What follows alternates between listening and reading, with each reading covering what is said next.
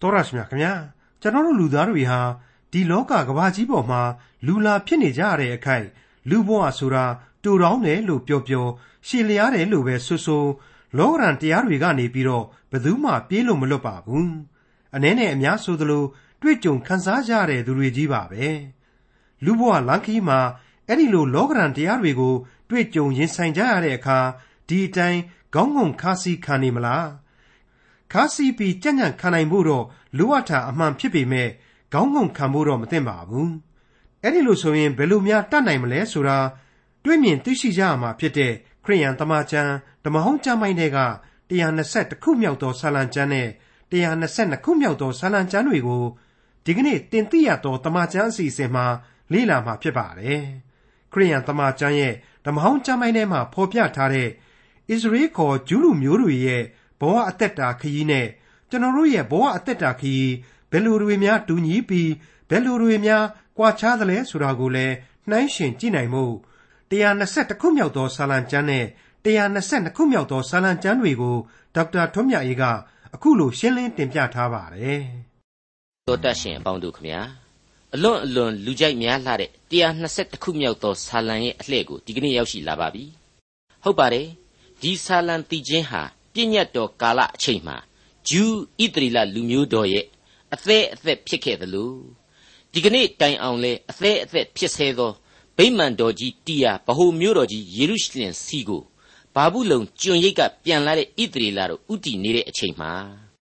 နောက်ထပ်သီဆိုခဲ့ကြသောတေးသချင်းတပုတ်အဖြစ်ကျွန်တော်တို့လေးနက်စွာခံယူထားကြပါတယ်ပြီးခဲ့တဲ့120ခုမြောက်သောဆာလံကိုလည်းဒီခရီးသည်တွေဟာသီဆိုခဲ့ကြသေးတယ် အခုဆိုရင်အလွန်နှစ်လိုပွေသောတေးလင်္ကာအသစ်ကိုထပ်မံပြီးကြားကြရလိမ့်အောင်မယ်လို့မိษွေတို့ကိုကျွန်တော်မိတ်ဆက်ပေးကြပါတယ်ဒီတော့ယေရုရှလင်မြို့လို့ပြောတဲ့ဂျူးဣသရေလတို့ရဲ့အသက်အသက်ဖြစ်သောမြို့တော်ကြီးမှာဖြင့်တစ်ချိန်သောကာလကဒီ120ခုမြောက်သောဆာလံဟာသက်ဝင်လှုပ်ရှားခဲ့သလိုဒီကနေ့တိုင်အောင်လဲသက်ဝင်လှုပ်ရှားစေပဲလို့ကျွန်တော်ဆိုချင်ပါတယ်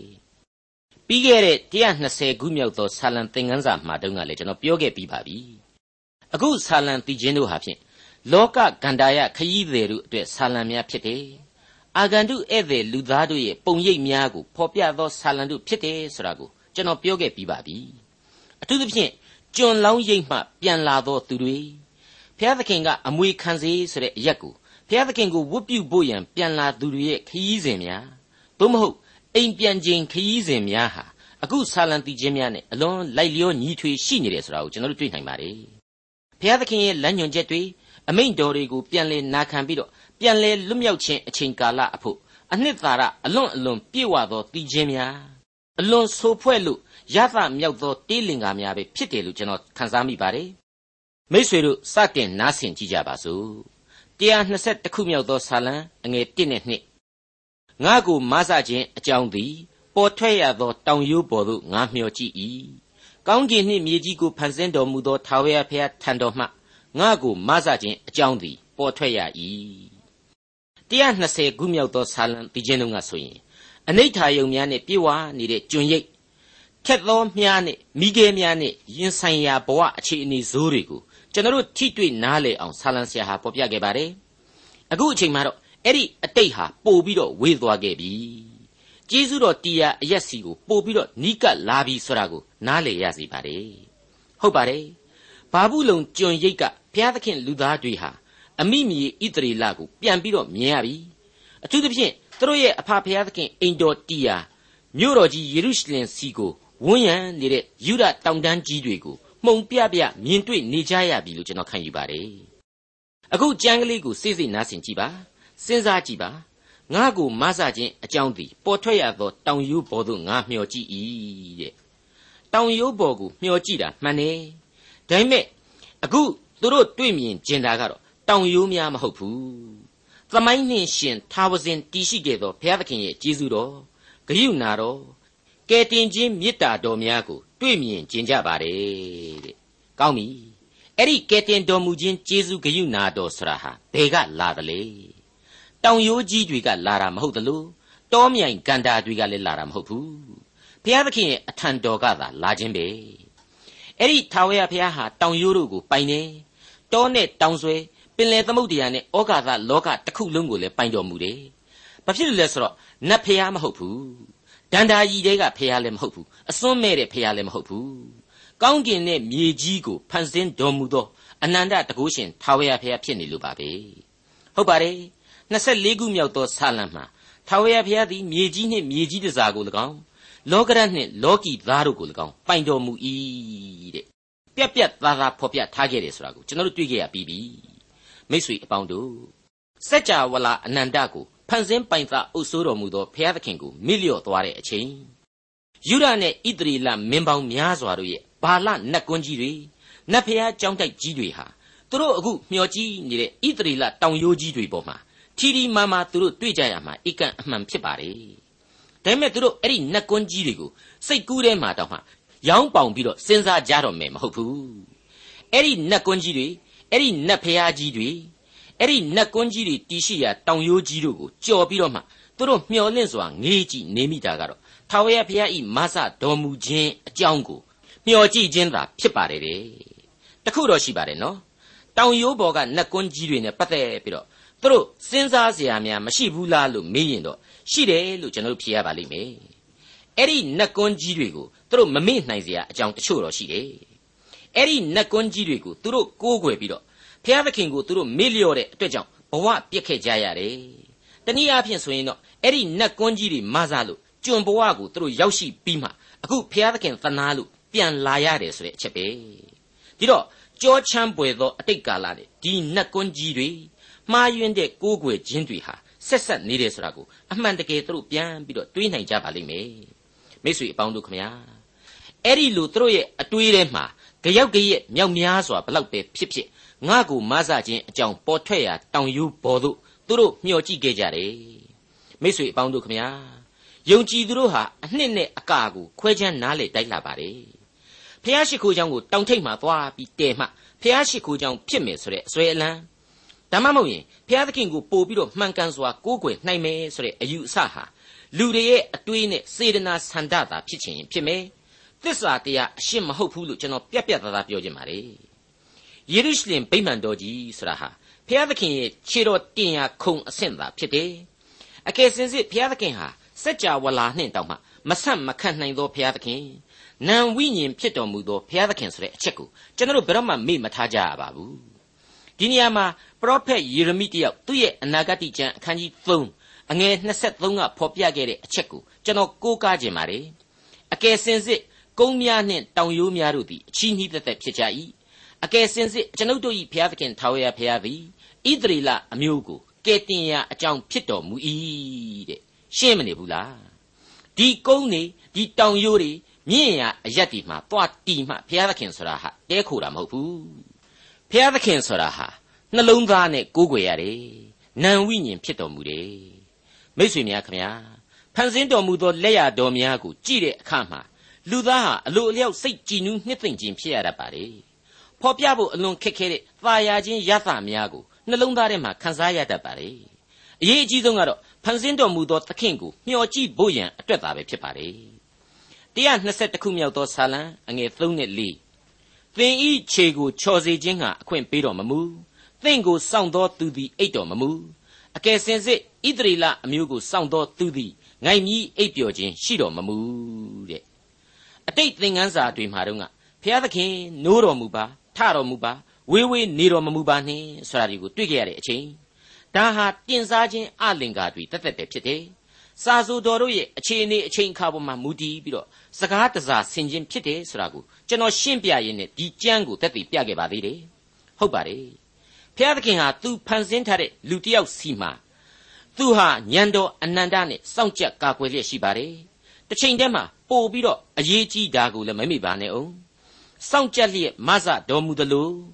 စောင့်ကြည့်လျက်လည်းရှိတယ်နှလုံးသဲပုတ်တဲ့အထိထွင်းဖောက်ပြီးတော့မြင်တော်မူသောဘုရားသခင်ဖြစ်တယ်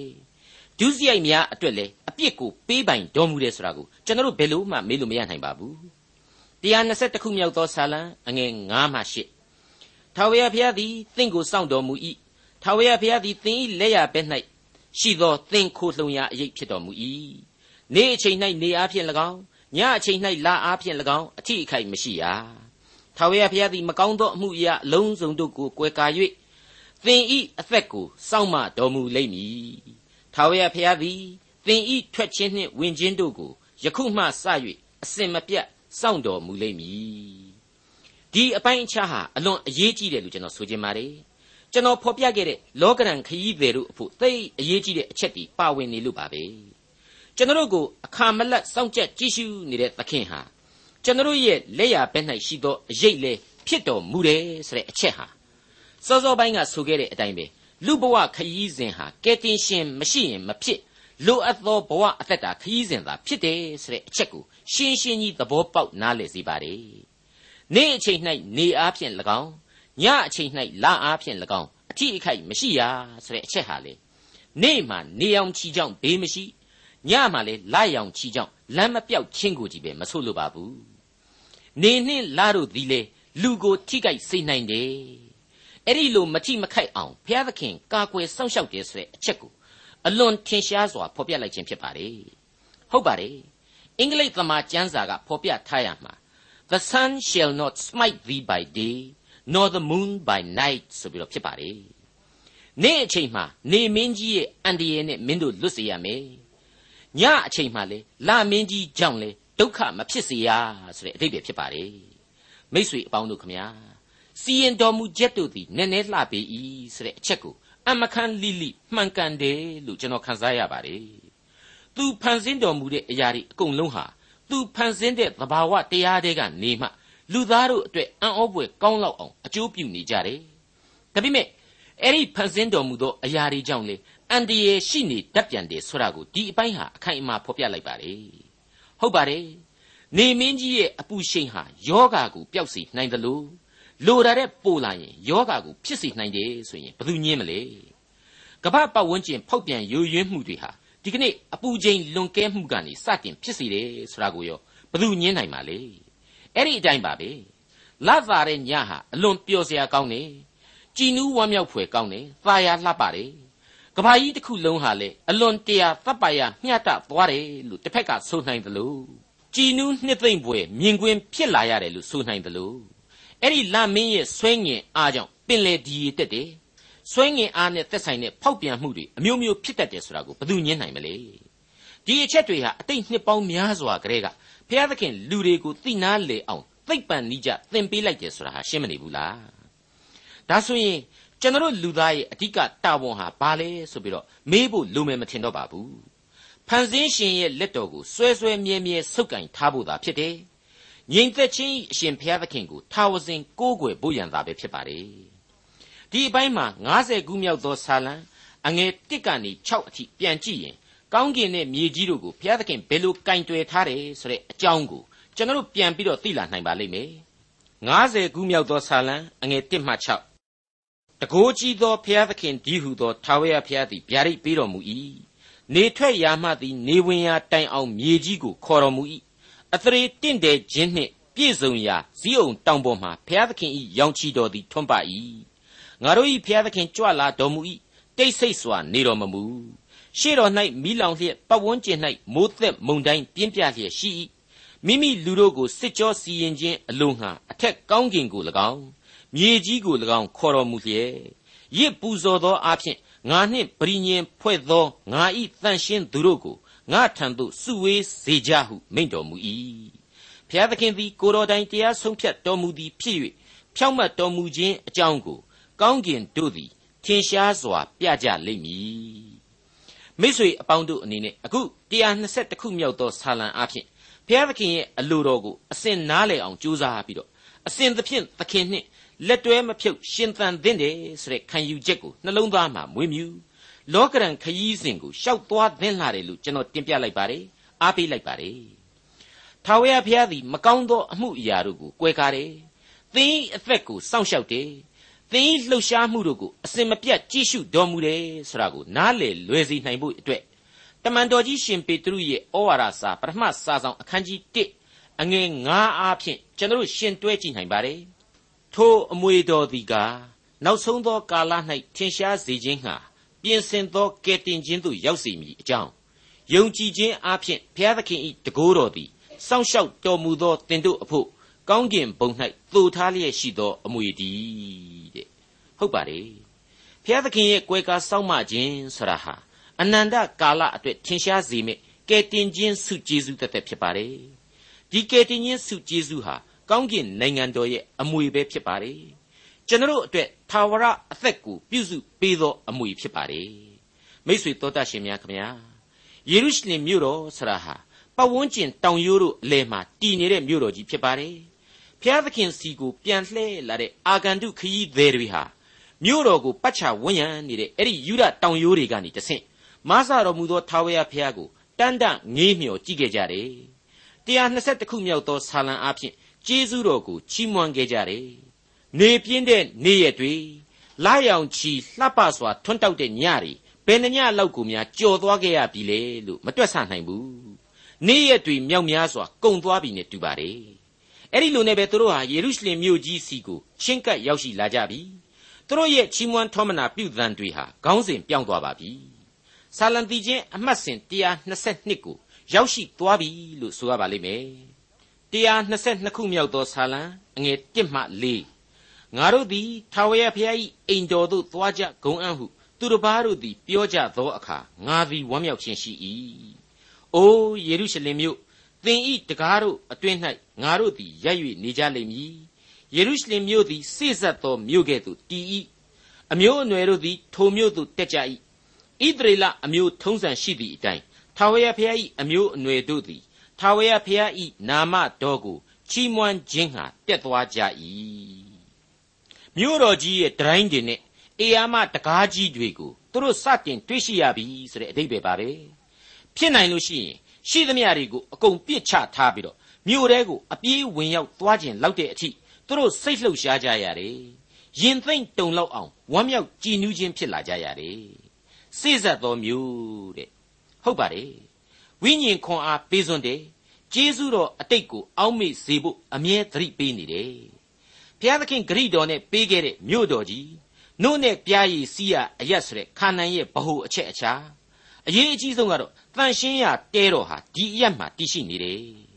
အဲ့ဒီအထက်မှာမှဂယုနာပလင်တော်ဆိုတဲ့ဗြိညင်တစ်တာတော်ကိုလေ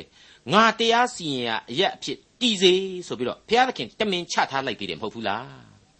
အဲ့ဒီလိုအလွန်ရှေးကြတဲ့သမိုင်းတကွေ့မှာဘုရားသခင်ဟာတစ်ချက်လွတ်စီရင်လိုက်တာနဲ့ပဲ ကဘာပေါ်ကအေယာမမြို့ကြီးတွေအလိုလိုကြီးမားသွားကြရတယ်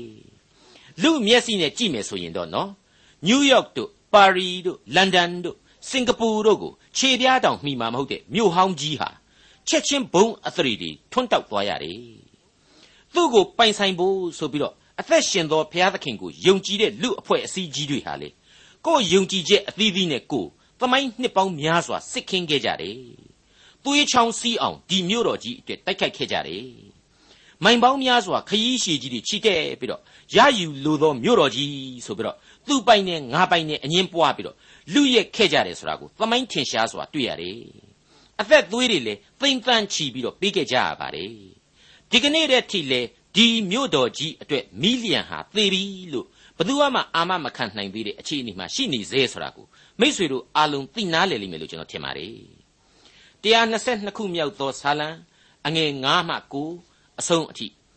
ထိုမြို့၌တရားစီရင်ရာပလင်ဒါဝိဒ်မင်းမျိုး၏ယာဇပလင်တို့သည်တည်ကြ၏ယေရုရှလင်မြို့ငြိမ်ဝတ်မည်အကြောင်းဆုတောင်းကြလော့ထိုမြို့ကိုမျက်နှိုးစုံမဲ့သောသူတို့သည်ချမ်းသာရကြပါစေသောသင်၏မြို့ရိုးအတွင်း၌ငြိမ်ဝတ်ခြင်းသင်၏ဘုံဗိမှန်တို့၌ချမ်းသာခြင်းရှိပါစေသောသင်၌ငြိမ်ဝတ်ခြင်းရှိပါစေသောဟုငါသည်ညီအကိုအတွက် အဆွေခင်ပွန်းတို့အတွက်ပြောဆိုပါမည်ငါတို့ဘုရားသခင်ထာဝရဘုရား၏အိမ်တော်ကိုထောက်၍သင်၏အကျိုးကိုရှာပါမည်မိတ်ဆွေအပေါင်းတို့ခမညာတရားစီရင်ရာပလင်းဆိုတဲ့ဗြိညင်တစ်တာတော်တို့တန်ရှင်းရာတဲတော်တို့ဆိုတာတွေဟာသမိုင်းရဲ့ဘယ်အကွေ့ဘယ်အပိုင်းကဏ္ဍမှာဘယ်မီးထဲမှာပါသွားပြီလဲဘယ်တိုက်ပွဲကြားမှာပျက်စီးသွားပြီလဲဆိုတာကိုဘယ်သူမှမသိပါဘူးမှန်ပါတယ်အဲ့ဒီသက်မဲ့အရာတွေဟာ တကယ်တော့ဘုရားသခင်ကတည်စေဆိုမှတည်တယ်တကိုးရှိစေဆိုမှရှိတယ်ဒီအချက်တွေကိုကျွန်တော်တို့မမေ့ကြရပါဘူးအခုဖော်ပြလိုက်တဲ့တရားစီရင်ရာပလင်းဆိုတာဟာတခြားမဟုတ်ပါဘူးသခင်ခရစ်တော်ရဲ့ဂျေဇုဂရုနာတော်ပလင်တော်ကိုဗျာဒိတ်ပြုလိုက်ခြင်းသာလျှင်ဖြစ်ပါတယ်ဒါဝိဒ်မင်းမျိုးဤယာစပလင်ဆိုတာဟာလေကောင်းကင်နိုင်ငံတော်မြေပေါ်မှာတည်ခြင်းမှာစိုးစံတော်မူမဲ့သခင်ခရစ်တော်ရဲ့ပြန်လဲကြွဆင်းစိုးစံတော်မူခြင်းကိုသာအနာဂတ်ပြု ဖော်ပြလိုက်ခြင်းဖြစ်ပါတယ်။သာမညလူသားဒါဝိမင်းဆက်ရဲ့ရာဇပလင်မပြောနဲ့ကဘာပေါ်မှာသမိုင်းဝင်ခဲ့တဲ့ဘယ်ဧကရစ်မင်းဆက်တို့ရဲ့ရာဇပလင်ဆိုတာကမှအမြဲတည်တံ့ခြင်းမရှိနိုင်ဘူးဆိုတာကိုကျွန်တော်တို့လေးနဲ့စွာမှတ်သားထားကြပါစို့ယေရုရှလင်မြို့တော်ကိုငြိမ်ဝတ်မီအကြောင်းဆုတောင်းကြလော့တဲ့ဆာလံဆရာကနေပြီးတော့တိုက်တွန်းနှိုးဆော်လိုက်ပါတယ်ဒီတိုက်တွန်းချက်အားဖြင့်လေ ဆုတောင်းလျက်စောင့်နေရမယ့်ကပ်ကာလကုံဆုံးခြင်းဆိုတာဟာတရှိနေသေးတယ်